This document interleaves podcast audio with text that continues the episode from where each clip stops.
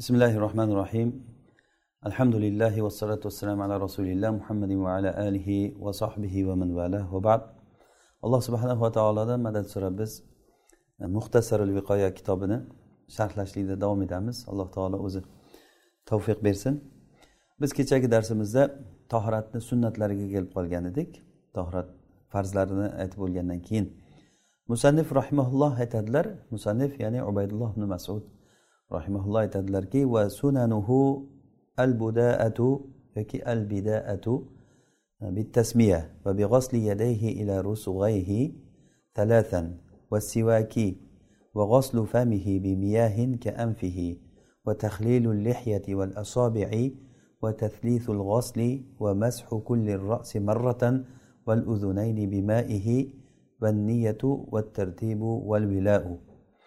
Ho'p hozir shu matnni so'zma so'z tarjima qilaylik.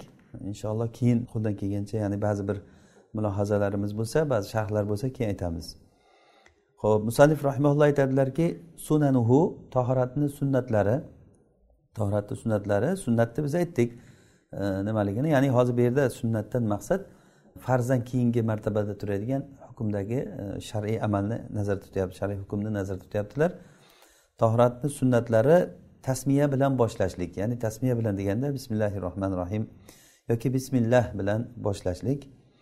Va yana beg'osli yadayhi ila ruzg'ayhi talatan qo'llarini qo'llarini. Mana bu bu yerigacha ya'ni bilagigacha e, uch marta yuvishlik bilan boshlash.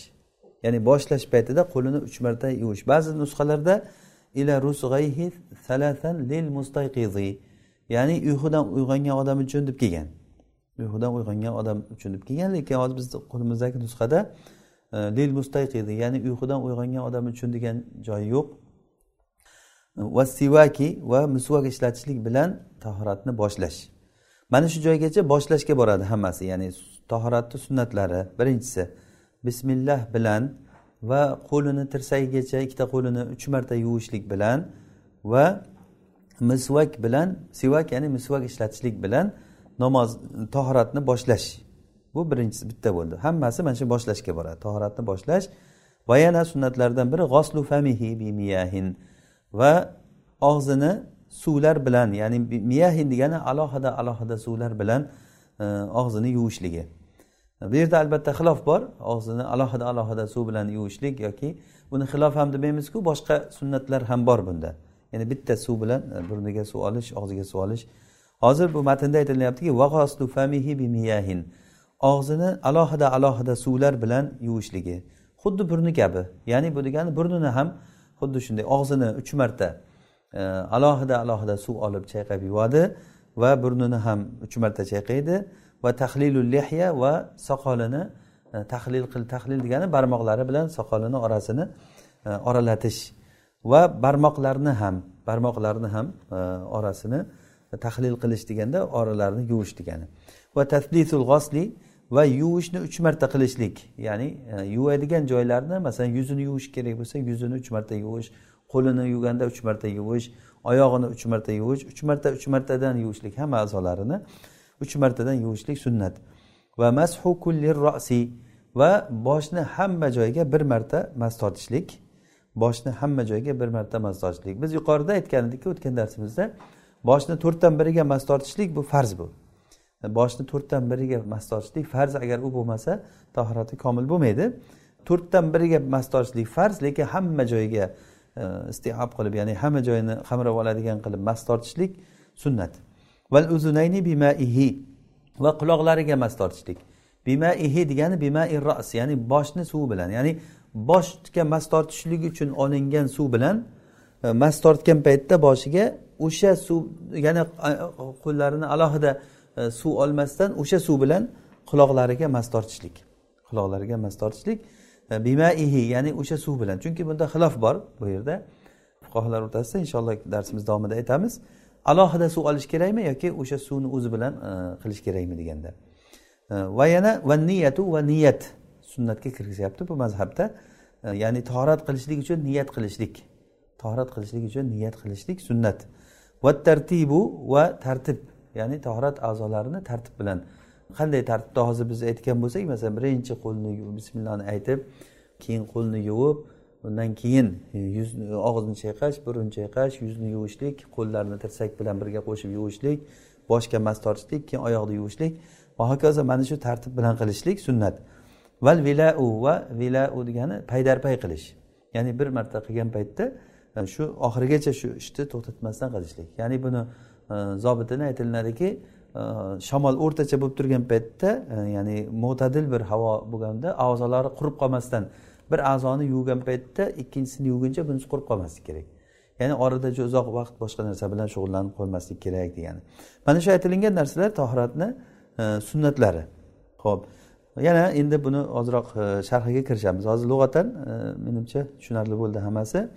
Tohratni sunnatlari. Sunnatni ma'nosi nima ekanligini tushundik. Ya'ni rasululloh sollallohu alayhi vasallam bunda e, muvozabat qilganlar lekin ba'zan ba'zan shu ishlarni tark qilib ham ko'rsatib berganlar deb ham sunnatda zobitida aytilingan lekin bu gapga e, ba'zi bir e'tirozlar keladi. E, rasululloh sollallohu alayhi vasallam masalan tartibni hech tark qilmaganlar. E, tartib bilan torat qilishlikni hech ham tark qilmaganlar. E, va yana paydar pay qilishlikni hech tark qilmaganlar. Va o'ng tomondan boshlashlikni hech tarqamaganlar. Biz bu o'ng tomondan boshlashlikni hatto mustahabga kirgizamiz hali undan keyin aytamiz mustahab deyilinadi vallohu alam bu e, asli tohratni farzlari bilan sunnatlarini ajratadigan narsa. E, yaxshirog'i oyatda sobit bo'lgan narsalar farz. Ya'ni oyat bilan sobit bo'lgan narsalar farz bo'ladi. Rasululloh sollallohu alayhi vasallam ya'ni namozini chala o'qigan odamni masalasida aytganlar. E, ya'ni xuddiki olloh buyurganday torat qilgin deb. Tavaddo kama amarakalloh olloh buyurgandek torat qilgin. Ana shu aytgan olloh buyurgandek torat ya'ni u bo'lmasa bo'lmaydi torat deyilmaydi. Ana unda o'sha hozirgi biz aytgan narsalar yo'q. Ya'ni qolganlari ishtihod bilan chiqqan ya'ni tartib ishtihod bilan aytilgan shuning uchun ham bunda ixtilof bor. Ba'zi fuqarolar tartibni ham farzga kirgizgan va muolatni ham farzga kirgizgan imom molik rahimaulloh tartib farz bo'ladi e, muolat farz bo'ladi deb aytganlar allohu alam bular sunnat ya'ni sunnatligini e, sunnatlikka buradigan narsa. Rasululloh sollallohu alayhi vasallam e, masalan hozir tartibni hech tark qilmaganlar ya'ni tartibsiz torat qilmaganlar. Biror marta rasulullohdan avval oyog'ini yuvganlari keyin qo'llarini keyin betlarini qilib turib teskarisiga torat qilganliklari kelmagan. Va paydarpay e, qilishlikda hech qachon tarqamaganlar. O'ng tomondan boshlashlikda hech qachon tarqamaganlar. Lekin shunga qaramasdan sunnat deyapmiz biz. Nima bilan? E, Alloh taoloni kitobida aytilingan tahoratda bular yo'qda. Rasululloh sollallohu alayhi vasallam amalda qolganlarini ko'rsatib berdilar. Demak rasululloh sollallohu alayhi vasallam ko'rsatib berganliklari amalda ko'rsatib berganliklari bu sunnat. Alloh taoloni buyurgan kitobidagi buyruq bu farz bo'ladi deb aytiladi. Allohu alam. Faqatgina bu yerda o'sha kitobda niyat yo'qku. Niyatni ham bu yerda sunnatga kirgizyapmiz lekin niyatda farz deyilinsa agar niyat ham e, tohratni vojiblaridan niyatsiz tohrat tohrat bo'lmaydi deb ana bu e, hozir biz aytgan gapga ya'ni ishkal bo'ladi. Ya'ni niyat yo'qku deb. Lekin allohu alam alloh taolo aytyaptiki ida qumtum ila solati fag'silu vujuhakum va aydiyakum ila marafiq mana bu oyatda e, agar namozga tursalaring e, yuzlaringni qo'llaringni yuvinglar torat qilinglar bu niyatsiz tasavvur qilib bo'lmaydi buni. Ya'ni odam nima uchun qo'lini betini yuvyapti ida qumtum. Ida qumtum oyatini tafsirida e, ahli tavil mufassirlar aytishadiki ida aradtumul qiyama ila solah va antum muhdisun fag'silu wujuhakum va aydiyakum ilal marafiq. Agarda sizlar namoz o'qimoqchi bo'lsalaring demak ida aradtumul qiyama ila sola demak irodatul qiyam ila sola degani bu niyat degani ya'ni agar bu niyatsiz bu narsani tasavvur qilib bo'lmaydi keyin yana bo'lib ham tahorat taabbudiy amal tahorat taabbudiy amal. Ya'ni bu taabbudiy deganligi ibodat. Ya'ni aql unga aql yetmaydi nima uchunligiga. Masalan akramakumulloh masalan odamni orqa tarafidan yil chiqib ketsa boshqa a'zolarni yuvadi. Torat sinib qoldi deydida qo'lini betini yuvib torat qiladi. Yil chiqqan joyga hech masalan e, hech narsa qilinmaydi masalan. Bu nima uchun bu? Bilmaymiz nima uchunligini. Ya'ni olloh shunday buyurdi deyiladi. Demak olloh buyurdi demak mana shu taabbudiy degani. Uni ma'nosi ma'qul bo'lmagan narsalar taabbudiy deyiladi. Tahoratni ma'nosi ma'qul emas. Shuning uchun ham masalan bir odam oq to'shaklar ustida toza o'tirgan bo'lsa ham e, agar uxlab qolsa uyqudan tursa torat qil deymiz unga. Torating yo'q seni deymiz. Toza bo'ldi qo'llari ham hamma joyi toza turgan bo'lsa ham. A bir kishi ishlab teriga bulanib qora loyga bulanib yoki moyga bulanib turgan bo'lsa ham tohrati bo'lsa u namoz o'qishligi mumkin bunisi namoz o'qishligi mumkin emas. Demak bu tahorat degani faqat tozalik degani emas bu balki bunda e, ibodat ma'nosi bor. Ibodat ma'nosi bor bo'lgan narsalarda hammasida niyat shart bo'ladi. Hop al bidaatu yoki al budaatu ikki xil o'qishlik mumkin. Tahoratni boshlashlik deganda tasmiya bilan boshlashlik e, bismillah deb boshlashlik. Buni bismillah deb boshlashlikni e, imom ahmad shart degan ya'ni imom ahmad aytganlarki agar bismillah bilan tahorat qilmasa tahorati tahorat bo'lmaydi. Hadisda la solati liman la vudu alahu va la vudu liman lam yadkur ismallohi alayhi. Yani musnadi ahmadda rivoyat qilganlarki tahorati yo'q odamni namozi bo'lmaydi namozi yo'q va bismillah demagan odamni tahorati yo'q deganlar. Bismillah demagan odamni tahorati yo'q. E, bunga javobidan biz aytamizki tahorati yo'q namozi yo'q degani tahorati komil emas namozi komil emas degani. Xuddiki la solata li jaril masjid illa fil masjid deganga o'xshaydi. Ya'ni e, masjidni qo'shnisiga namozi faqat masjidda qabul bo'ladi. Boshqa joyda namozi namoz emas buni. Degani bu degani uyida namoz o'qisa namozi namozi qabul bo'lmaydi degani emasku bu. Ya'ni bu degani namozi komil bo'lmaydi. Masjidni qo'shnisi bo'lib o'tirgan odam azonni eshitib masjidga borishlikni iloji bor bo'lib turib uyida namoz o'qisa bu namozi komil bo'lmaydi noqis namoz bo'ladi. E, mana shunday tushunamiz. Nima bilan shunday tushunamiz? Chunki alloh taolo oyatda mana shunda bismillah bilan torat qilinglar bismillahni aytinglar degan joyini aytmagan. Rasululloh sollallohu alayhi vasallam ya'ni o'sha namozini chala o'qigan odamga o'rgatgan paytlarida agar sen namoz o'qishga tursang e, namoz o'qimoqchi bo'lsang olloh buyurganday torat qilgin deganlar kama amarakalloh.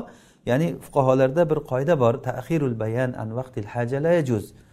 Hojat vaqtidan bayonni kechiktirishlik joiz bo'lmaydi. Rasululloh sollallohu alayhi vasallam haligi e, bilmagan odamga o'rgatgan vaqtlarida o'rgatgan vaqtlarida xuddi olloh kitobida qanday aytgan bo'lsa e, xuddi shunday tahorat qilgin deganlar unda bismillahni aytgin demaganlar.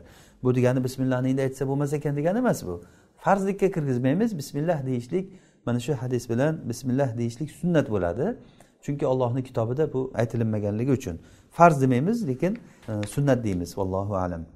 Va yana keyin e, bismillah bilan boshlash va qo'llarini tirsagigacha uch marta yuvishlik bilan boshlashlik deyilindi. Bilan boshlashlik ya'ni bu ba'zi nusxalarda lil mustayqid ya'ni uyqudan uyg'ongan odam uchun e, deyilingan lekin e, bu sunnatida uyqudan uyg'ongan bo'lsin uyqudan uyg'ongan bo'lmasin torat qilmoqchi bo'lgan odam uch marta yuvishlik bilan boshlaydi.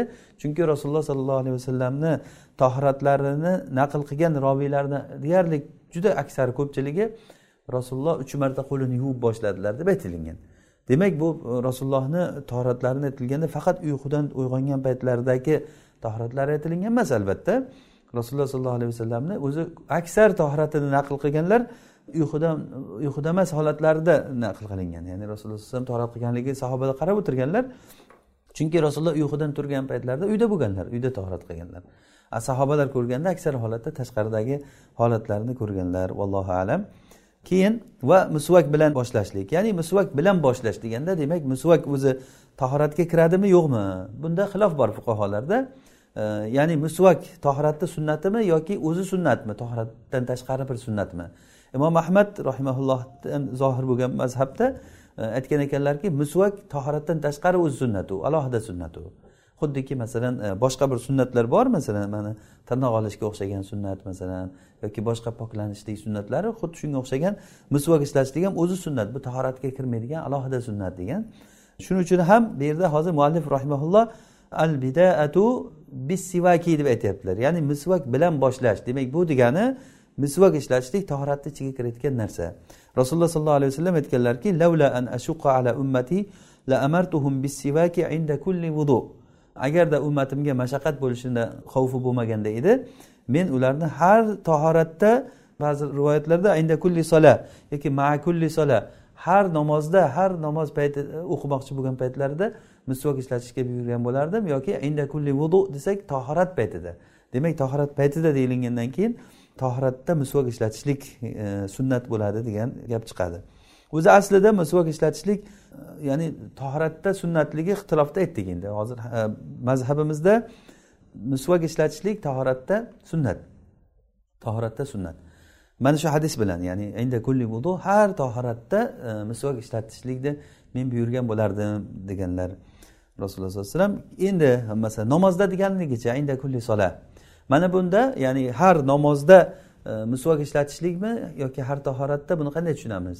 Bunda fuqarolardan uchta qovul uchta mazhab bor. Bizni mazhabimizda har namozda deganligini har tahoratda deganligiga qo'shib har tahoratda tahorat paytida misvok ishlatilinadi namoz paytida emas ya'ni namozga turgan paytda misvok ishlatishlik sunnati ya'ni bu tahorat paytida bo'ladi. Tahorat qilishlikda ishlatgan bo'lsa o'sha namoz deganligi tahorat deganligi deb tushunamiz. Chunki boshqa rivoyatda inda kulli vudu deb keldi. Har tahoratda deb kelgan. Chunki o'zi misvokdan maqsad ham o'zi tozalanish bo'lgandan keyin tahorat paytida og'zini tozalagandan keyin namoz o'qishlik paytida yana uni alohida tozalash shart emas deyilgan. Imom ahmad va imom shofiy mazhablarida inda kulli sola har namozda nima qilishlik? Hatto ba'zi fuqarolar farz bo'lsin nafl bo'lsin hamma namozda qachon namozga tursa misvok ishlatishlikni e, sunnat deb aytishgan. Imom molik rahimaulloh aytganlarki agarda misvok ishlatganligi uzoq vaqt bo'lib ketgan bo'lsa uzoq vaqt ketgan bo'lsa og'zini tozalash uchun namoz paytida ishlatishlik bor. Al muhim ya'ni e, mazhabimizda shu ya'ni namozga turganda misvok ishlatishlik emas o'sha tohirat paytida misvok ishlatishlik buni dalili e, inda kulli vudu har tohirat paytida men e, misvok ishlatishlikka buyurardim degan gaplari uchun. Keyin og'izni chayqashlik masalasi og'izni chayqashlik masalasida og'ziga to'ldirib suvni olib chayqash ya'ni buni nimasi e, haddi shunaqa bo'ladi buni odobi. Og'izni ya'ni ba'zi holatlarda masalan buni havo sovuq bo'lsa tishga suv olgan paytda tish yaxlab qoladigan holatlar bo'ladida. Ozgina suvni olib turib shundoq labiga tegizib og'ziga tegizgan bo'lib nima qilsa og'zini chayqagan bo'ladimi? Yo'qmi shu ham. Masalan ko'pincha havo sovuq paytlarda ko'pimizni boshimizdan o'tgan narsa bilamiz. E, o'zi aslida og'izni to'ldirib suv olish kerak. Ya'ni og'izni chayqash degani ya'ni urf bo'yicha og'zini chayqadi deb nimaga aytiladi og'zini chayqadi deb man misol uchun kecha ham bir hammamizga bir savol tashlagandim men. Og'zini ochib turib haligi pisilloqni og'ziga pisillatsa masalan pis pis pis qilsa keyin o'sha og'zini chayqash bo'ladimi shu? Yo'q og'zini chayqash deganda og'ziga to'ldirib suv olib turib og'zini chayqab e, keyin tuflab tashlasa shu bo'ladi. Ho'p e, burunniki burunniki suv e, suv nimani burunni mana bu qattiq joyi bor. Mana yumshoq joyidan qattiq joyga yetib borishligi. Mana shu joy mana shu yergacha borishga burun chayqash degani shuni aytiladi. Bunda ham masalan haligi havo sovuq paytlarda yoki ba'zilar juda e, tahoratga shoshilib qolgan paytda bir burniga tegizib qo'yadida suvni e, nima qiladi? Ichiga ham kirmaydi suv. Bu burun chayqash deyilmaydi. Burun chayqash deganda suv ichiga kirishi kerak. Endi bunda mubolag'a qilaman desa mana bu e, qattiq joydan ham ichkariroq qarab tortish kerak. Ya'ni rasululloh sollallohu alayhi vasallam agar og'iz chayqasang mubolag'a qilib chayqagin. Illo sen ro'zador bo'lsang mubolag'a qilmagin ya'ni halqumingacha borish shart emas.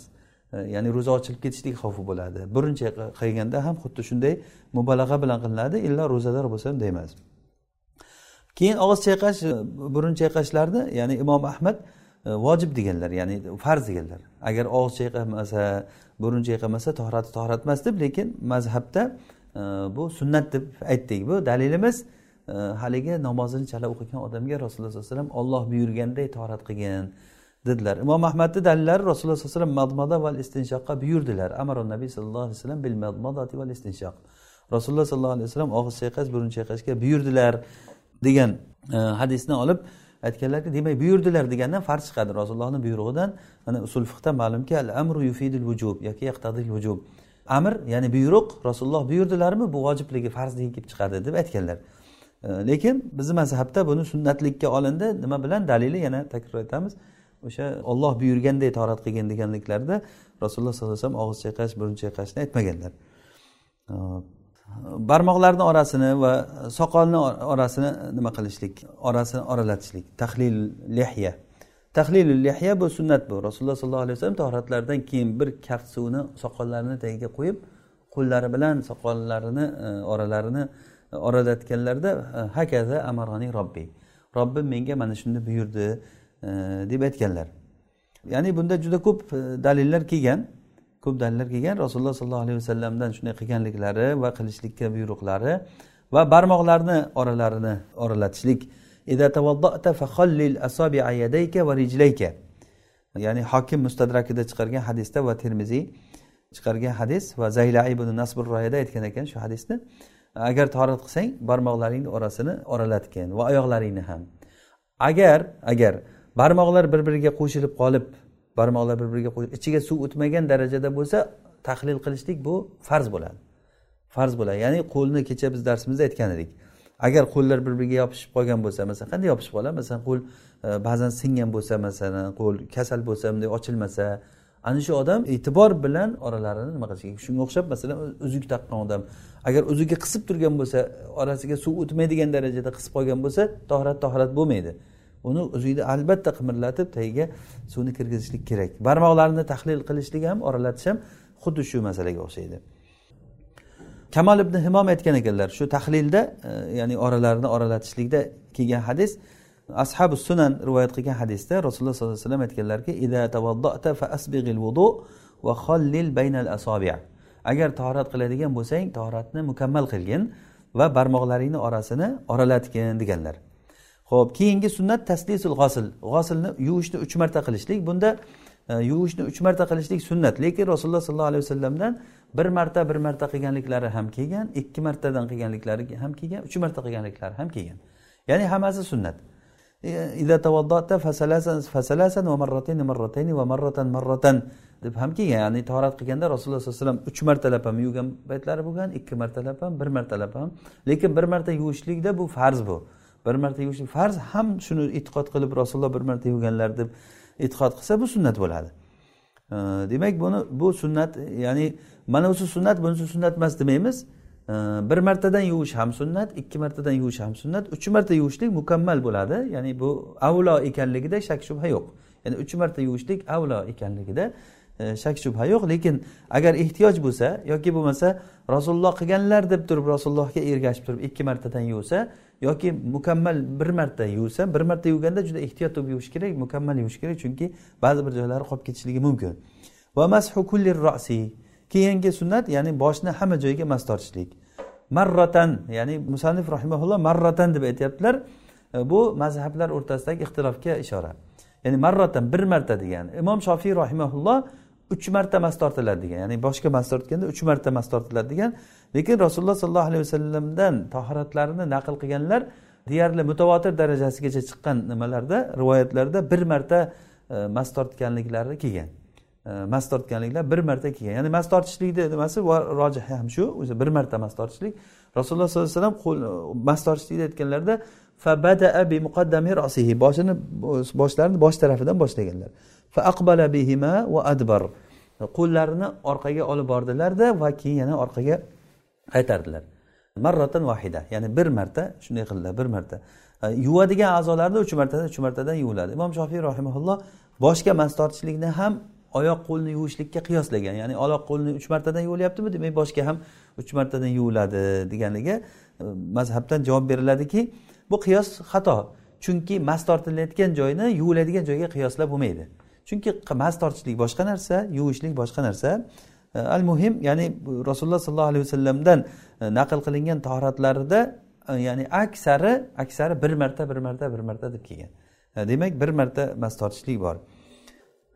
Keyingi sunnat e, quloqlariga nima qilishlik mas tortishlik e, boshga mas tortgandan keyin quloqlariga. Quloqlar ham ya'ni bimaihi deb aytilindi. Hozir matnda e, va mashu val uzunayni bimaihi ya'ni bimaihi degani boshiga mas tortishligi uchun olgan qo'lini suvi bilan qulog'iga ham shuni mas tortishlik buni dalili rasululloh sollallohu alayhi vasallam aytganlarki al uzunani minar ras.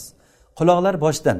Ya'ni bu degani quloqlar boshdan ya'ni quloq boshdaligini hamma biladi. Rasululloh sallallohu alayhi vasallam a'zoni qayerdaligini aytmoqchi emaslar bu yerda ya'ni quloqlar boshdan degani quloqni hukmi boshni hukmiga kiradi. E, bosh nima bo'lsa quloq shu bitta hisoblanadi. Shuning uchun ham qo'lini boshga mas tortishlik uchun qo'lini nimladimi mana bu qulog'iga ham ketadi deyilgan. Vallohu alam. Keyingisi niyat. Niyatda bu sunnat deb aytilindi. Buni jumhur aimmalar e, niyatni farz deyishgan. Ya'ni niyat qilmay torat qilsa torat bo'lmaydi.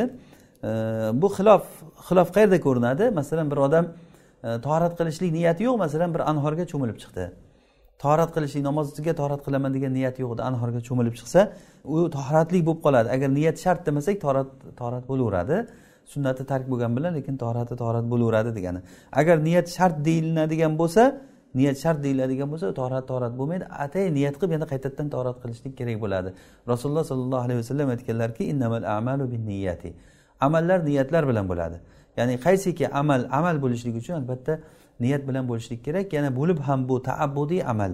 Taabbudiy amal deganligi e, ya'ni aql yetmaydi uni nima uchunligiga buni bitta dalili aql yetmasligini dalili akramakumulloh masalan odamni orqa tarafidan yil chiqib ketsa boshqa a'zolarni yuvinadi mana bu ma'qul emasligi ya'ni ma'qul degan narsa bor g'oyri ma'qul degan narsa bor. E, biz buni tushunishimiz kerak hali oldimizda bizga ko'p keladi. Ma'qul degani uni nima uchunligini tushunamiz. Masalan men bir kishini e, masalan bir qalamini sindirib qo'ydim. Qalamini sindirib qo'ysam shuni men to'lab bersam nima uchun desa har qanday aqlli odam ko'rib turib sindirganing uchun deydi. Demak nima uchun men shunga domin bo'lyapman to'layapman? Sindirganligim uchun. Bu ma'qul bu. Endi masalan bu e, hozir tahoratda masalan yil chiqib ketsa a'zolarni yuvishlik nima uchun desa yil chiqqanligi uchun desa bu aqlga to'g'ri kelmaydi. Nega unday? Orqadan yil chiqsa e, a'zo boshqa a'zolar yuvilinadi demak bu taabbudiy narsa deyiladi. Alloh taolo mana shunday buyurgan mana shunday qilamiz bunaqangi narsalarga niyat shart bo'ladi. Vallohu alam. Va tartibu va tartib. Tartib e, tartib bilan tahorat qilishlik. E, bu ham ya'ni e, ba'zi fuqarolar buni farz degan. Rasululloh sollallohu alayhi vasallam haligi namozini chala o'qigan odamga tahoratni o'rgatgan paytlarida olloh buyurganday tahorat qil deganlar. Olloh buyurganday tahorat qil deganlar. Tahorat qilganda alloh taoloni buyurgan tahorati ya'ni yuzni yuvishlik qo'lni yuvishlik oyoqni yuvishlik va mana shu tartibda istinbot qilib turib imom molik mana shundan dalil qilib olgan ekanlar. Tartib vojib chunki rasululloh sollallohu alayhi vasallam e, hech qachon a'zolarni nimasiga teskarisiga yuvmaganlar. Bu umrida biror marta ham bu narsani qilmaganlar. Va yana agarda oyatga e'tibor berayotgan bo'lsak alloh taolo buyurgan oyatda e, yuzlaringni yuvinglar qo'llaringni oyoqlaringni yuvinglar e, deganda boshlaringga mas tortinglar va oyoqlaringni yuvinglar deyapti. Ya'ni yuviladigan a'zoni aytib yuz qo'l va oyoq yuviladi o'rtada boshga mas tortiladi. Ya'ni yuviladiganlarni o'rtasiga mas tortilayotgan a'zoni aytib ketyapti. Ya'ni bosh.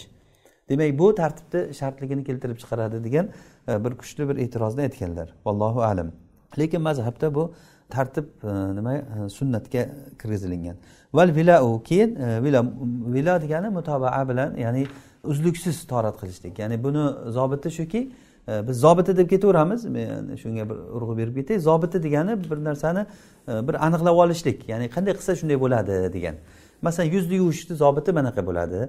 E, va vilo vilo o'zi nima degani? Vilo degani urf bo'yicha ya'ni paydarpay qildi degani qanday aytamiz degani? Ya'ni orada uzmasdan qildi degani. Qaragan odam bu toratini uzmadi a toratini uzishlik qanday bo'ladi? Toratni uzgan bo'ladi. Masalan yuzini yuvdi qo'lini yuvganda masalan telefoni nima bo'lib qolsa chaqirib qolsa telefonda gaplashib turib bir soat telefonda gaplashsa undan keyin yana kelgan joydan davom ettirib ketaversa bu paydarpay qildi deyilmaydi. Ya'ni toratni orasiga boshqa bir narsa aralashib ketgan bo'ladi. Vallohu alam. Ya'ni buni vojib emas deyilindi ya'ni sunnat deyilindi. Chunki rasululloh sollallohu alayhi vasallamga bir sahobiy kelib turib e, aytgan ekanki rasululloh meni ahlim agar joriyalarim bilan yaqinlik qilsam ahlim rashki kelib turib doim janjal qiladi. Qayerdan biladi e, seni e, yaqinlik qilganligingni? Qayerdan biladi? Desalar g'usul qilishimdan bilib qoladi. E, Bo'lmasa g'usul qilganingda boshingni bir yuvib qo'yganda keyin torat qilishga o'tgan paytingda boshqa a'zolaringni yuvib olasan. Ahlingni ko'rgan paytda faqat boshingni yuvib qo'ygin. Degan hadisda aytilingan ekan mana shundan keyin bu hadisni zaylai nasbur royada shuni zikr qilib aytgan ekanlar. Mana shuni dalil qilib turib ya'ni paydarpay qilishlik agar vojib bo'lganda rasululloh unga buni o'rgatmagan bo'lardilar g'usulda. G'usul o'zi tahoratdan ham ko'ra kattaroq amal. Tahorat e, g'usuldan ko'ra kichikroq ya'ni e, bu g'usul tahoratdan ko'ra mukammalroq ya'ni hamma joyda yuvishlik unga e'tibor kattaroq bo'ladi. Vallohu alam. Mana shu hozirgi biz bilganimiz. Demak keyingi mavzuda musannif rahimaulloh aytyaptilarki va mustahabbuhu at-tayamunu va mashur raqaba. Mustahabbuhu tohratni mustahablari o'ng tomondan boshlash attayamun degani o'ngdan o'ngdan hamma a'zolarni yuvganda avval o'ng qo'l keyin chap qo'l o'ng oyoq chap oyoq qilib turib yuvishlik va mashur raqaba va e, bo'yinga mas tortishlik. Mana bu mustahablari deyilinyapti. Ya'ni mustahab mustahab deganda mustahab ya'ni bizni oldimizda farz bor sunnat bor va mustahab bor. Mustahabni tarifi shuki agarda kim qilsa savob oladi qilmasa hech narsa emas. E, nima uchun qilmading deyilmaydi. Sunnatda bo'lsa qilgan odam savob oladi qilmagan odam gunohkor bo'lmaydi lekin itob va malomatga qolishlik ehtimoli bor. Sunnatni tark qilishlik ya'ni e, muvozabat qilib doimiy ravishda sunnatni tark qilishlik e, bu fitnalanishlikka olib kelayotgan narsa. Fitna ya'ni dinida odam fitnalanishlikka e, duchor bo'lishligi mumkin billah. O'zi rasululloh sollallohu alayhi vasallam doim o'ng tomondan boshlashlik rasululloh sollallohu alayhi vasallamni yaxshi ko'rgan narsalari edi. Mana oysha roziyallohu anhudan rivoyatda keladiki kana nabiy sollallohu alayhi vasallam yuhibbu tayamun yoki yujibuhu at tayamunu fi kulli shay fi tanaulihi e, hatta fi tuhurihi va tanaulihi va tarajjulihi va sha'nihi kullihi. Oysha onamiz aytadilarki rasululloh sollallohu alayhi vasallamni o'ng tomondan boshlashlik ajablantirardi. Ya'ni hamma holatlarda o'ng tomondan hattoki oyoq kiyimini kiyganlarida avval o'ng oyog'ini kiyib keyin chapini kiyardilar. Soch taragan paytlarida ham o'ng tarafdan boshlab soch tarardilar. Va e, va va fishanihi kullihi va tahoratlarida ham xuddi shunday qilardilar. Va hamma holatlarda kiyim kiyganlarida ham o'ng qo'lini birinchi keyin chap qo'lini e, keyin kiyardilar va hokazo. E, mana bu endi bunda gap yo'q. O'ng tomondan qilishlik rasululloh sollallohu alayhi vasallam sunnatlari bu. Mashur roqaba bu xilofiy masala. Mashur roqabada ba'zi fuqarolar buni jumhur aymalar buni e, zaif deyishgan ya'ni buni sunnatda yo'q bu deyishgan. Ya'ni e, hadisda man masaha qafahu ma rosihi vuqiya minal g'ul yawmal qiyama yoki minal g'ul deb bu yerda rivoyatda to'xtatgan ekan. E, kim agar bo'yniga mas tortayotgan bo'lsa qiyomat kunida e, o'sha bo'yniga zanjirlar tushishligidan saqlanadi. Ya'ni azobdan qutulib qoladi. Bundan tashqari o'zi sahih hadisda kelgan rasululloh sollallohu alayhi vasallam boshlariga mas tortishlikda e, hatta balag'a bihima ila qafahu deb kelgan. Ya'ni bo'yinlarini oldigacha orqasigacha olib bordi. Ya'ni qo'llarini bo'yinni orqasigacha olib bordi. Agar mashur raqaba deb shuni nazarda tutilgan bo'lsa to'g'ri bu. Agarda mashur raqaba deganda shunday e, mashur raqaba degani agar qo'llarini chunki hadisda sahih hadisda kelyaptiki hatta balag'a bihima ila asfali unuqihi min qibali qafahu. Yoki hatta balag'a bihima ila qafahu. Ya'ni uni boshini orqasigacha olib bordi deb. Agar shuni e, bo'yinga mas tortishlik deb aytilinadigan bo'lsa albatta bu bo'yinga mas tortishlik emas gardanigacha ya'ni boshini oxirigacha olib borishlik bo'ladi. Vallohu alam. Ho'p demak toratni biz farzlarini aytib bo'ldik sunnatlarini aytdik mustahablarini aytdik. E, bu yerda orada tohratni ba'zi bir odoblari bor ya'ni bizni matnda yo'q bo'lsa ham men tezlik bilan aytib ketaman tohratni odoblari ya'ni ba'zi bir kishilar agar tohratga ehtiyoj bo'lsa suv quyib tursa bo'ladi ehtiyoj bo'lsa suv quyib tursa bo'ladi keyin tohratdan keyin duo qilishlik ya'ni eng muhim odoblardan rasululloh sollallohu alayhi vasallamdan e, kelgan hadisda ما منكم من أحد يتوضأ فيسبغ الوضوء ثم يقول أشهد أن لا إله إلا الله وأن محمدا عبده ورسوله إلا فتحت له أبواب الجنة الثمانية يدخلها من أي باب شاء sizlardan qaysi biringiz agarda tohrat qilib tohratni go'zal qilib mukammal qilib keyin ashhadu an la ilaha illalloh va muhammadan abduhu va rasuluhu desa jannatni sakkizta eshigi unga ochiladi xohlaganidan kiradi deganlar demak mana bu hadisni imom muslim rivoyat qilgan hadis sahih hadis yoki termiziyni ziyodatida allohimma jalni minat tavabin vajalni minal mutatahhirin ey ollohim meni tavba qiluvchilardan qilgin va poklanuvchilardan qilgin. Dedilar e, mana shu eng e, bizga muhim bo'lgan odoblaridan. Ya'ni tahorat qilgandan keyin mana shu duolarni o'qishlikka odatlanishligimiz kerak. Juda katta fazilat bu. Qarang buni e, ajrini jannatni sakkizta eshigi ochilinadi xohlagandan kiradi. Har kuni tahorat qilamiz. Bu bizdan bir oshinon so'ramaydi bir qiyinchilik tug'dirmaydi. Faqatgina ozroq e'tibor bilan shunga o'rganilinsa bo'ldi. Ya'ni duolarni hisnul muslim kitoblarida ham bor duo kitoblarida bor. E, balki hozir men aytganimdan yozib olib turib e, yodlab e, aytishlikka o'rganishligimiz kerak. Keyin namozdan keyin tahoratdan keyin ikki rakat namoz o'qishlik. Rasululloh sollallohu alayhi vasallam aytganlarki ma min muslimin yatawaddau fa yuhsinu wudu'ahu thumma yaqumu fa yusalli rak'atayn yuqbilu alayhima biqalbihi va wajhihi illa wajabat lahul janna ravohu muslim.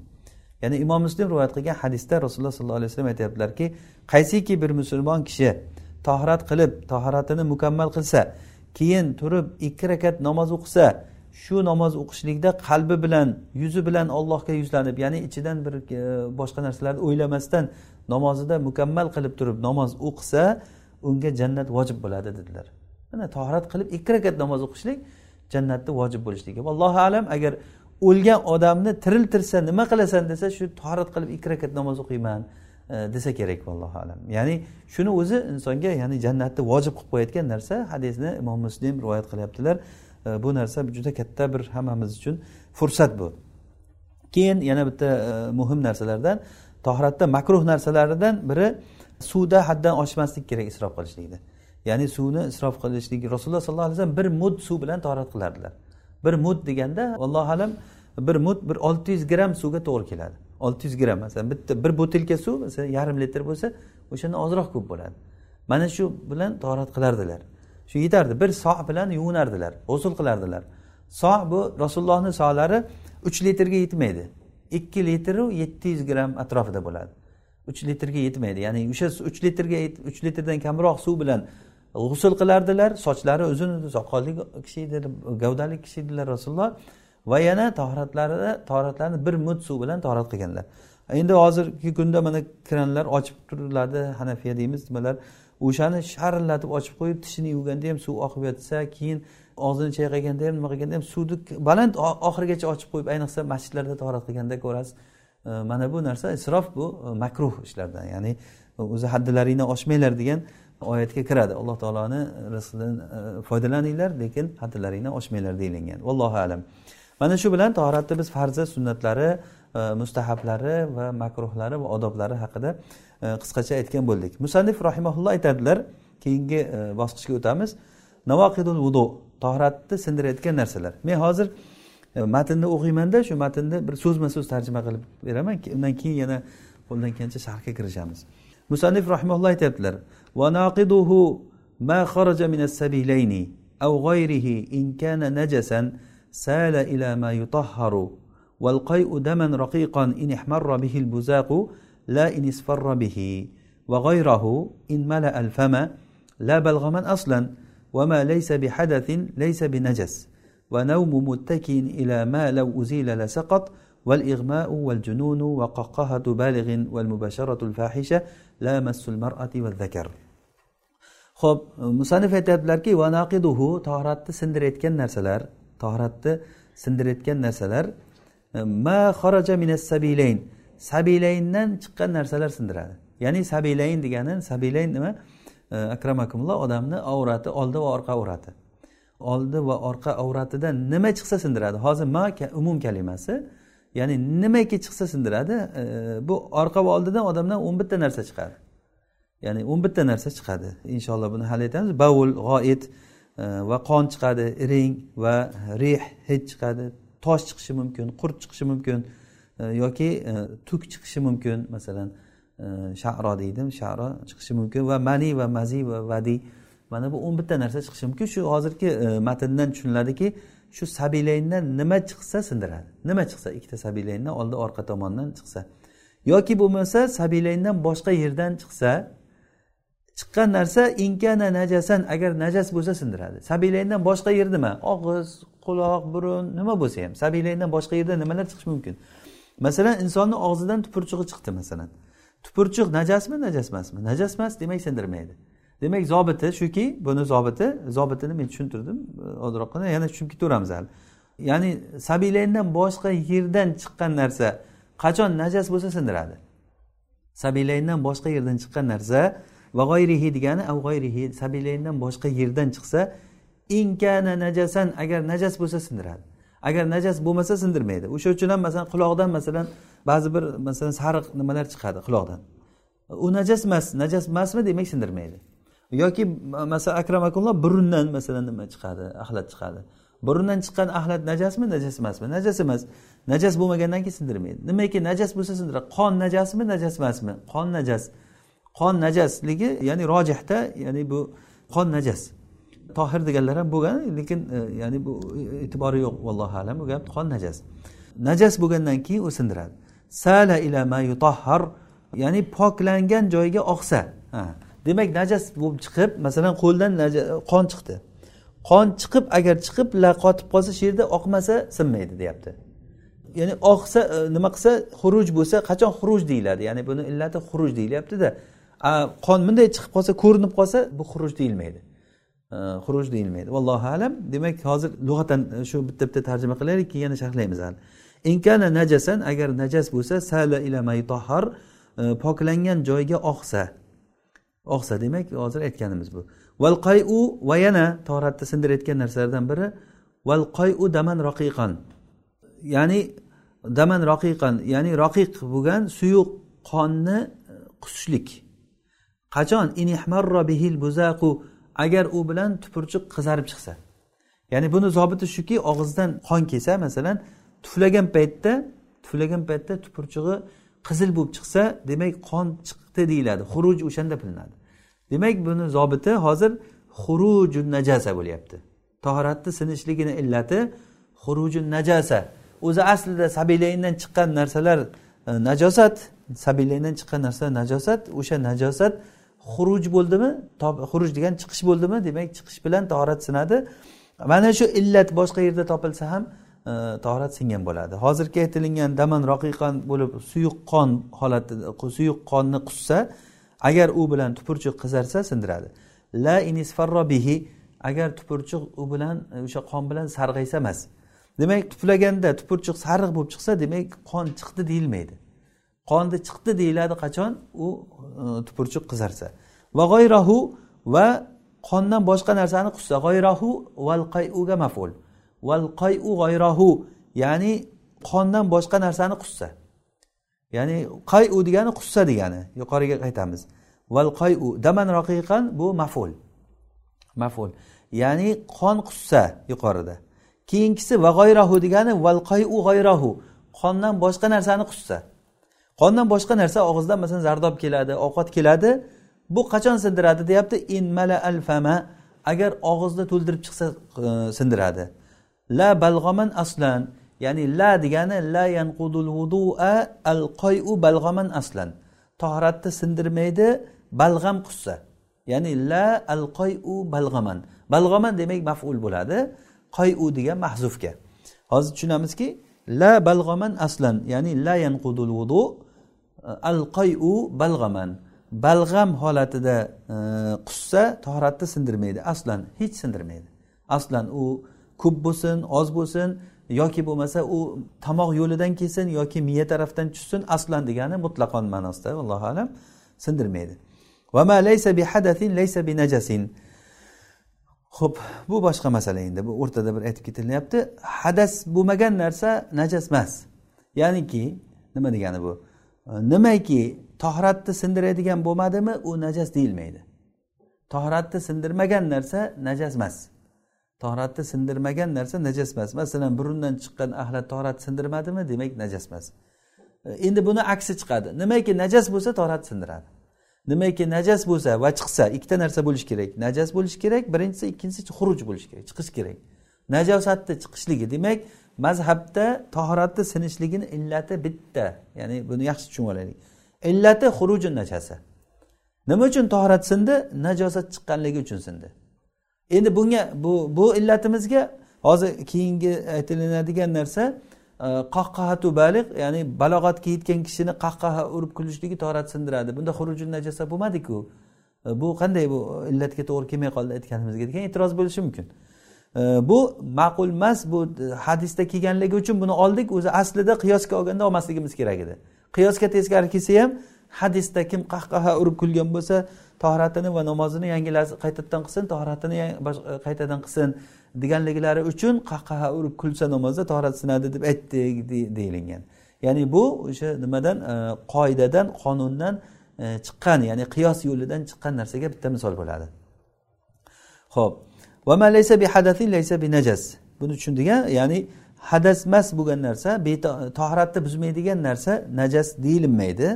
Va ila ma law uzila lasaqat va yana tohratni sindirayotgan narsalardan biri agarda bir narsaga suyanib uxlashlik agar shu narsa olinsa yiqilib ketayotgan darajada. Ya'ni bir narsaga mana men masalan suyanib shunday suyanib uxlab qolsam suyanib turgan narsamni olib yuborsa yiqilib ketadigan bo'lsam demak yiqiladigan darajada bo'lgandan keyin torat sinadi. Va yana al ig'mau va hushdan ketishlik val jununu va jinni bo'lishlik. Hushdan ketishlik bu uyqu o'zi uyqudan ham ko'ra yomonroq narsa bu. Hushdan ketishlik o'zi asli uyqu torat sindiradi. Hozir yuqorida uyquni aytdik. Endiku hali yotib olib turib ko'rpaga o'ranib uxlasa torati sindi degani. U suyanib uxlasa buni zobiti shuki suyangan paytda agar suyanmasdan turib kallasi bir nima bo'lib qimillab ketaversa bu torat sinmaydi. O'zicha o'zi lekin astoydil uxlasa bir narsaga suyanib yo devorga suyanib yo yostiqqa suyanib uxlaydi. Agar o'sha olinsa yiqilib ketadi. Agar shu darajada bo'lsa torat sinadi. Hali yana inshaalloh hali uyqu haqida gapiramiz. Keyingisi ig'ma hushdan ketishlik. Hushdan ketishlik uyqudan ham ko'ra yomonroq endi. Odam hushidan ketib yiqildi. Hushidan ketib yiqilsa demak torat sinadi. Val junun va jinni bo'lishlik jinni bo'lishlik bundan ham ko'ra yomonroq endi jinni bo'lgan odam o'zi bilmaydi orqa oldidan nima chiqqanligini bilmaydi asosan tahoratda sindirayotgan narsa o'zi agar najosatni chiqishligi deyilinsa xuruji najasa jinni bo'lgan odam o'sha najosat chiqqanligini bilmay qoladi orqasidan yil chiqsa ham bilmaydi masalan xuddi shunday mast bo'lgan odam ham shunday shuning uchun ham kim mast bo'lsa agar tahorat sinadi nima uchun sinadi chunki aql ketadi aql ketgandan keyin uni orqa oldida nima chiqqanligini E, bilmay qoladi. Uxlagan odamdan ham ko'ra yomonroq holatda bo'ladi. Chunki uxlagan odam o'zi orqasidan yil chiqib ketib qolishligini sakramakumulloh e, sezmaydi uxlagan odam. Mast bo'lgan odam undan ham ko'ra e, yomonroq holatda bo'ladi. Va qahqahatu balig'in va yana toratni sindirayotgan narsalardan biri balog'atga yetgan odam balog'atga yetgan kishini qahqaha urib kulishligi. Ya'ni bu yerda hozir bir ba'zi nusxalarda bor edi adashmasam va qahqahatu balig'in fi solatin mutlaqatin. Ya'ni mutlaq namozda qahqaha urib kulishlik ya'ni namozda kulishlik. Bu yerda hozir faqat qahqahatu balig'ini keltiribdi. Ya'ni balog'atga yetgan odamni qahqaha urib kulishligi deb qo'yibdi. Ya'ni bu e, mutlaq qahqaha urib kulsa balog'atga yetgan odam tahorat sinmaydi bu mujma alayhi masala bu ijmoiy masala. Bu yerda hozir tahorat balog'atga yetgan odam tahorat qachon sinadi? Namozda. Namoz ham qanaqa namoz bo'lishi kerak? Mutlaq namoz. Ya'ni mutlaq namoz degani zat rukuin va sujud. Rukulik va sajdalik namozda balog'atga yetgan odam qahqaha urib kulsa tahorati sinadi deyilyapti. Inshaalloh bu haqda hali keyin gapiramiz. Va bu demak hozir biz bilaylikki bu toratni sindirayotgan narsalarni safiga kirgizilinyapti val mubasharatul fahisha e, yana erkak ayol bir biriga ya'ni uyatlik darajada e, o'ta darajada bir biriga quchoqlashsa. Mubashara degani quchoqlashishlik fahisha degani kiyim bo'lmagan holatda. Ya'ni kiyimi yo'q bo'lgan holatda erkak ayolni bir biri bilan quchoqlashishligi demak toratni sindiradi deyilyapti. Bu bu asli toratni sindirmaydi. Toratni sindirmaydi lekin tohratni sindirishligiga olib borayotgan g'oliban torat sinadigan holat. Xuddi uyqu o'zi asli torat sindirmaydi lekin nima uchun e, torat tohrat sindiradi deyapmiz bu madinatul hadas deyiladida buni e, istilohda. O'zi asli bu torat sindirmaydi lekin torat sindirishlikka olib keladi. Ya'ni yalang'och bo'lib turib quchoqlashgandan keyin u yerda akramakumulloh maziy shunaqangi shahvat suvlari chiqishligi nimasi holati ko'p bo'ladi g'oliban. Fiqhda g'olib bo'lgan narsa mutayaqinni o'rniga qo'yiladi. Ya'ni fiqhda g'olib bo'lgan narsa yaqin mutayaqin aniq bo'ldi degandek xuddi. Xuddi hozir aytganimizdek masalan uxlagan odam albatta orqasidan yil chiqaradimi masalan? Yoki ba'zan ko'pincha chiqaradimi? Hech kim aytolmaydi masalan doim bu uxladimi bo'ldi yil chiqdi orqasidan deb hech kim aytolmaydi. Lekin yil chiqishlik g'olib ko'p. Demak uxladimi? Bo'ldi yil chiqdi deb e'tiborga olinaveradi bilib bo'lmagandan keyin. Bilib bo'linmagandan keyin shuning uchun ham fiqda yana takrorlayman g'olib ya'ni g'olib degani ko'pincha bo'ladigan narsalar doimiy bo'ldi deganday qilib qo'yiladi. Shunday qilinmasa bir narsa aniqlab bo'lmaydi. Bir aniq bir narsani gapirib bo'lmaydi. Ho'p la massul marati va zakar. Ayolni ushlash va zakarni ushlashlik toratni sindirmaydi deyaptilar. La massul marati va zakar. Ayolni ushlashlik bu inshaalloh bu haqda hali gapiramiz. Ayolni ushlash va zakarni ushlashlik o'ziniki bo'lsin yoki o'zgani zakarini ushlasin akramakumulloh. Masalan tabib odam e, boshqa bir kasal kelganda masalan e, qo'li bilan ushlab ko'rishlikka ehtiyoji bo'lsa masalan zakarini ushlab ko'rsa. Tabib qo'li bilan kasalni zakarini ushlasa e, tabib torat qilish kerakmi endi yoki o'zi o'zini zakarini ushlasa ham birov zakarini ushlasa ham o'zi ham ushlovchi ham ushlanuvchi ham torat qilish kerakmi deganda yo'q. Torat qilinmaydi. Inshaalloh bundagi E, ba'zi bir gaplarni keyin sharhimizda aytamiz. Demak hozirgacha biz e, bilganimiz toratni sindirgan narsalar shular. Endi qisqacha qilib turib buni e, sharhini ulgurganimizcha aytamiz. Demak toratda sindirgan narsalar noqiduhu sabilayni sabilayndan chiqqan narsa dedik. Biz aytdikki sabilayndan o'n bir xil narsa chiqadi. O'n bir xil narsa chiqadi. Ularda aytdik bavul g'oyit qon va ring va hid chiqishligi mumkin va tosh va qurt va tuk jun chiqishligi mumkin jun. Va mani va mazi va vadiy e, mana bu narsalar hammasi o'sha toratni sindiradi. Vallohu alam. E, erkak kishini oldi tarafidan e, masalan yil kelsa ham yoki ayol kishini oldi tarafidan yil kelsa ham baribir oldi orqa tarafidan nima bo'lsa ham chiqdi desa vallohu alam demak o'sha nima bu toratni sindiradi. Torat nimaiki chiqsa shu torat sinadi. Ho'p yoki avg'oyrihi deyapti. Yoki o'sha sabilayndan boshqa yerdan chiqsa. Demak boshqa yerdan chiqsa deganligini buni biz e, qaytlab aytilindiki inkana najasan. Agar o'sha boshqa yerdan chiqqan narsa najas bo'lsa sindiradi. Boshqa yerdan chiqqan narsa najas bo'lsa sindiradi. Agar najas bo'lmasa demak e, sindirmaydi. Ya'ni bo'lib ham bu birinchi. Sabilaydan boshqa yerdan chiqqan narsa birinchi najas bo'lishi kerak. Ikkinchisi sala ilama yutahhar pok bo'lgan joyga oqish kerak. Shuning uchun ham oqish kerak degandan keyin chiqadiki masalan oqmasa e, sinmaydi. Masalan aytaylik masalan odam terisini shundoq shilib olinsa. Teri shilib olinsa shilingandan keyin tagidan qon chiqib qolsa. Bu chiqdi deyiladimi ko'rindi deyiladimi bu qon? Katta joy shilindi o'sha ko'rindi. Bu ko'ringan bo'ladi. Qon agarda chiqqan joyidan boshqa yoqqa jilmasa torat sinmaydi. Chiqqan joyidan boshqa yoqqa jilsa torat sinadi. Shuning uchun ham masalan qo'lga bir igna tiqib olsa o'sha iynani tiqqandan keyin iynani o'rnidan shundoq qon chiqib turib ozroq oqsa torat sinadi. Endi qo'lni katta joyini shundoq shilib olinsa shilib olingandan keyin qon chiqib qolsada lekin oqmasa qip qizil bo'lib turib terini tagidan qon chiqib qoldi. Masalan ba'zi paytda odam yiqilgan paytlarda shunday bo'ladi. Teri shilinib ketadida qon qip qizil bo'lib chiqib qoladi lekin oqmaydi torat sinmaydi. Demak torat sinishligi uchun birinchidan sabilayndan boshqa yerdan najosat chiqishligi va yana nima? Chiqishligi oqishligi. Demak o'sha xurujni qachon bilamiz? Oqishlik bilan bilamizda. O'sha oqsa keyin torat sindi deyiladi. Imom ahmad va imom shofiylar imom molik bular jumhur aimmalar qonashlik torat sindirmaydi deganlar.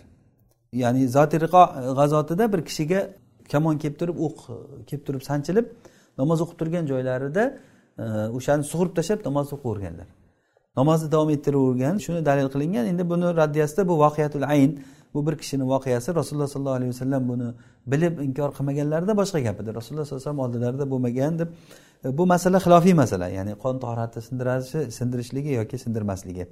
Va qayd qilishlik ya'ni qusishlikda bu ham xuddi o'shanga kiradi. Ya'ni hozir qusishlik agar qon qussa agarda qusgan paytda qon qussa qon tohoratni sindiradimi yo'qmi degan xilof bo'yicha bo'ladi. Buni chiqishligini zobiti shuki e, agarda o'sha tupurchug'i qizarib chiqsa demak qon chiqdi deyiladi. Og'izdan ham ichkaridan demak qon o'zi chiqib kelgan bo'ladi. Ichkaridan qon agar sarg'aysa yo'q torat sinmaydi. Ho'p qayd qilishlik agarda og'iz to'ldirib e, qayd qilinsa torat sinadi. Agarda og'izni to'ldirmasdan qayd qilsa e, torat sinmaydi dedik rasululloh sollallohu alayhi vasallamdan e, naql qilingan hadislarda mana e, zaylai nasbur royada bir hadis keltirgan ekan. Yuadul vudu min sab'in. Tahorat yetti narsadan qaytadan qilinadi. Bovuldan va qon oqsa va iring oqsa og'izni to'ldirib qussa va uxlasa va bir kishi namozda qahqaha urib kulsa va qon chiqishligi deb aytganlar. Ya'ni e, bu narsa albatta bu ham ya'ni qusishlik masalasi ham xilofiy masala qonga o'xshagan. Qonga o'xshagan xilofiy masala. Xuruji najasa o'zi toratni sindiradi degan illat. Mana shu illatga qurilinsa agar bu aytgan narsalar hammasi o'sha masalani ustiga quriladi shu aslga quriladi. Ya'ni najosat bo'ldi. Ya'ni bu oshqozondan kelgandan keyin quchganda oshqozondan kelgandan keyin oshqozon najosat o'rni shu najosat o'rnidan chiqib kelyapti torat sinadi deyilinadi ammo balg'am umuman sindirmaydi. Hech qachon balg'am bo'lgan narsa sindirmaydi. Keyingisida aytdiki hadas emas bo'lgan narsa e, najas emas ya'ni e, nimaiki toratni sindirmaydimi? E, toratni sindirmaydimi? U najas deyilmaydi. Toratni sindirmagan narsa najas deyilmaydi. Endi hozir bu yerda istihoza qonni toratni sindirmaydiku. Yoki jarohat oqib tursa torat sinmaydiku. Masalan sohibi uzr bo'lgan holatlarda. U najasku desa e, buni javobida aytiladiki yo'q u najas lekin toratni sindirishligi ko'rinmay turadi. O'zi istihoza qoni najasligida shak shubha yo'q. Istihoza qoni toratni sindirmaydi lekin najas. E, sindirmaydi. Va uyquni masalasida bu yerda juda gap ko'p. Ya'ni bitta narsaga suyanib uxlaganda E, torat sinishligida allohu alam bunda eng yaxshi gap eng yaxshi gap men gapni xulosasi. Ya'ni shu odam bir odam uxladi o'tirib uxladimi yoki boshqa holatda uxladimi agarda shu uxlaganda nima o'zidan bir narsa chiqib ketgan bo'lishligini sezmay qoladigan darajada uxladi. O'zidan bir narsa chiqib ketishligini sezmay qoladigan darajada uxlasa torat sinadi. Bunda masalan e, ko'pincha o'tirgan holatda e, bir ikki marta masalan boshi e, qayrilib qayrilib ketsa ham odam o'zidan bir narsa chiqib qolsa sezib qoladi odam bu holatda ya'ni sergak holatida bo'ladi. Va xuddi shunga o'xshash masalan sajda holatida odam uxlab qolsa ruku holatida uxlab qolsa e, ya'ni odamdan yil chiqib ketishlik ehtimoli juda kam bo'ladi. E, ehtimoli yo'q hisob ya'ni juda kam. Kam bo'lgandan keyin nodirni hukmi yo'q yo'q hisobda bo'ladi. E, ammo uxlab agarda oyoqlarini uzatib e, boshini yostiqqa qo'yib uxlasa ozroq ko'zi ilinsa ham chiqib ketishlik ehtimoli bor. O'sha uchun ham buni eng yaxshi zobiti shunday qaragan odam qaragan odam o'zi biladiki bu ya'ni bu uxladi bu. Odamni o'zidan ham e, sezadiki uxlaganligini. E, shuni bilishimiz kerakki uxlasa torat sinadi. Rasululloh sollallohu alayhi vasallam aytganlarki ko'z orqani orqa tarafini bog'ichi. Xuddiki bir idishni bog'ichi yechilsa ichidagi narsa to'kilib ketganday. Masalan bir idish teskari turgan bo'lsa tagi e, nima qilingan? Bog'langan. Shu bog'ich yechilsa ichidagi narsa chiqib ketganday ko'z odamni orqa tarafini bog'ichi ko'z uxlasa epi yechilib ketadi. Agarda ko'zlar uxlasa haligi bog'ich yechilib ketadi demak tahorat sinishlik ehtimoli katta. Ya'ni mazinatul hadas deyiladi bu. Allohu alam. Keyin e, namozda kulishlik e, masalasida bir hadisda namozda ya'ni mutlaq namozda sajdalik va rukulik namozda kulsa tahorat sinadi deyilindi. Kulsa tahorat sinadi deyildi. Bunda kelgan hadisda muhaddislar e, ya'ni bu hadis haqida ko'p gapirgan ekanlar. Ya'ni sahobalar namozda turgan paytlarida bir ko'zi ojiz odam masjidga kirib kelib turib ko'rmasdan quduqqa tushib ketgan. Keyin namozda qarab turgan odamlar kulishgan keyin. Buni e'tiroziga aytilinganki birinchidan masjidda quduq bo'lmagan. Rasululloh sallallohu alayhi vasallam o'qigan masjidlarda quduq bo'lmagan. Bu bir. Ikkinchidan sahobalarni ko'zi ojiz odamni quduqqa tushib ketganligini e, holatiga ustidan namoz o'qib turgan holatda yana qahqaha urib kulishliklari bu sahobalarni jalolatiga holatiga to'g'ri kelmaydi bu. Ham san'at jihatdan ham matn jihatdan hadisda gaplar ko'p. Bu qovulni aytishligimiz ya'ni qahqaha urib kulishlikni kulishlik toratni sindiradi deyishlik shu hadisni sahihligiga quriladi. Agarda hadis sahih bo'lganda bu e, tahoratni toratni sindirishligiga albatta bir dalil bo'lar edi. Vallohu alam. Lekin muhaddislar bu hadisni sahih emas deyishgan. Val mubasharatul fahisha ya'ni odam erkak ayol e, yalang'och bo'lgan holatda bir birini quchoqlashishligi toratni sindiradi. E, lekin ayolni ushlashlik toratni sindirmaydi. Ayolni ushlashlik. Mana rasululloh sollallohu alayhi vasallam namoz o'qiganlarida oysha onamizdan keladi. Buxoriy rahimalloh rivoyat qilgan hadisda men rasulullohni oldida xuddi janozadek o'likdek yotar edim rasululloh sajdaga borganlarida oyog'imni bir qisib qo'yardi e, oyog'imni tortardim sajda qilardilar keyin turganda yana uzatib olardi. Ya'ni sallallohu alayhi vasallam rasululloh hayotlari shunchalik bir oddiy bo'lganki boshqa bir to'shak bo'lmagan uyda namoz o'qiganlarida bir kichkina buyra bo'lgan rasululloh namoz o'qisalar oysha onamiz qumni ustida yotmagan endi o'sha buyrani ustida yotishlikka majbur bo'lgan. O'sha uchun ham rasulullohni oldilarida janozaga o'xshab yotardi. Bo'lmasa rasululloh oysha onamizdan narigi qibla tomonga o'tib namoz o'qisalar bo'lmasmidi? deyilinsa bo'yra shunchalik kichkina bo'lgan. Ya'ni u tomoniga ham bu tomon eng nimasi qulay holati rasululloh qiblaga qarab turganlarida oysha onamiz oyoqlarini uzatib xuddi janozaday oldilarida yotardim degan. Rasululloh sajdaga borganlarida oyog'imni bir qisib qo'yardilar tortardim.